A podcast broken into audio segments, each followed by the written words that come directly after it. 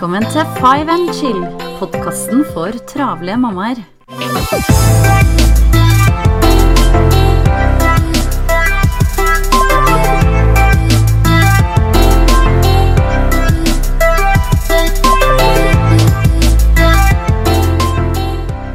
Hei og velkommen til en ny episode av Five and Chill. Janne fra Travel mamma her. Hverdagen er tilbake for fullt, og det kjenner vi alle sammen på. Alle jeg har snakka med, i hvert fall, sier akkurat det samme.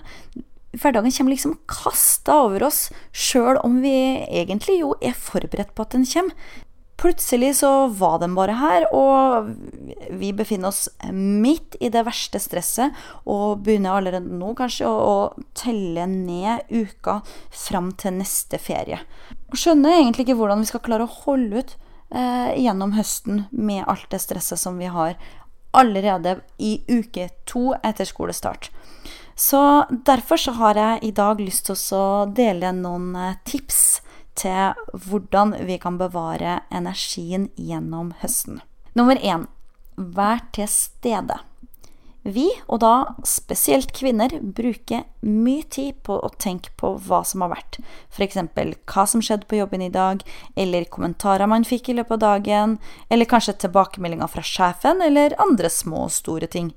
Vi bruker òg veldig mye tid på å tenke på hva som venter oss. Grue oss til et møte vi skal ha neste dag, eller til å treffe enkelte personer. Eller kanskje vi planlegger i hodet vårt de neste stegene vi vil ta. Veldig sjelden er vi til stede her og nå.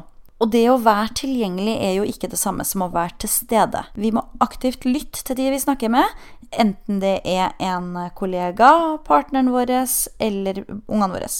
Det som har vært, det får vi ikke gjort noe med og hvis det er sånn at du trenger å forberede deg til morgendagens møte, så sett heller av en halvtime til det, og få det ut av verden. Sånn at du deretter kan fokusere på å være til stede med de du er sammen med. Og du òg, husk, legg bort telefonen, sånn at ikke den da opptar din oppmerksomhet. Nummer to få nok søvn. Ja, søvn er nøkkelen til veldig mye. Skal du oppnå resultater både på jobb, trening eller andre arenaer, så er du avhengig av å få nok søvn og hvile.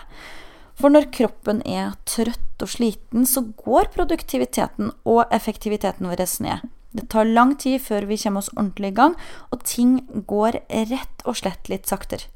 I tillegg så vil du ofte oppleve at uh, du blir veldig trøtt og energiløs uh, utpå dagen, og det føles kanskje som at dagen aldri tar slutt. Så legg deg til samme tid hver dag, og pass på å få nok timer på øyet. Så vil òg produktiviteten gå opp, og hodet vil være mye klarere. Tips nummer tre kutt ned på sosiale medier. Om vi sitter på bussen eller venter på at poden skal bli ferdig på trening, så har vi ofte en tendens til å ta fram telefonen og surfe rundt på Facebook, Instagram eller andre sosiale medier. Du blir sugd inn i den ene historien eller linken etter den andre, og før du vet ordet av det, så er du fremme på din holdeplass, eller poden kommer springende etter treninga si, og du har brukt opp all den ledige tida du hadde på å oppdatere deg på andre sine liv. Benytt heller tida til å få unna ting som står på to do-lista di, som f.eks. å skrive en handleliste eller en pakkeliste, kanskje ukeshandle til og med hvis du bestiller mat på nett. Ellers så kan du jo òg benytte anledningen til å ta ei treningsøkt sjøl. Hvis du vil ha mest mulig ut av tida di og bli mer produktiv, så handler det om å finne de her små lukene i hverdagen og bruke den tida konstruktivt. Tips nummer fire spis sunt og drikk vann. Ja, i stressperioder, så, og særlig nå på høsten, når eh, kveldene blir mørkere og ja, alt blir liksom litt tyngre, så er det lett å velge raske og usunne løsninger. En sjokolade er både godt og kjapt å hive i seg, og man kan få en energiboost, men sannheten er jo at sukker gjør at du òg ganske raskt mister energien igjen og blir enda trøttere enn før du spiste den sjokoladen. Så hvis du velger litt sunnere alternativ hver dag, så vil òg energien holde mye lenger gjennom uka. Og tips nummer fem lag deg gode vaner. Lag deg morgenrutiner, f.eks. stå opp til samme tid hver dag, drikk en grønn juice eller tren. Gjør det som passer best for deg. Hvis du gjør det samme hver dag, så har du en kontinuitet på de faste oppgavene, noen ting som etter hvert vil gå på automatikk. Og gode vaner gjør at du i stressede perioder vil kunne støtte deg til de her gode vanene, og du vil opprettholde effektiviteten. Det var det jeg hadde for i dag.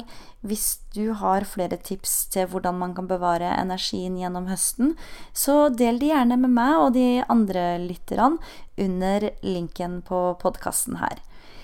Ønsker deg en fortsatt herlig uke, så høres vi igjen snart. Ha det bra!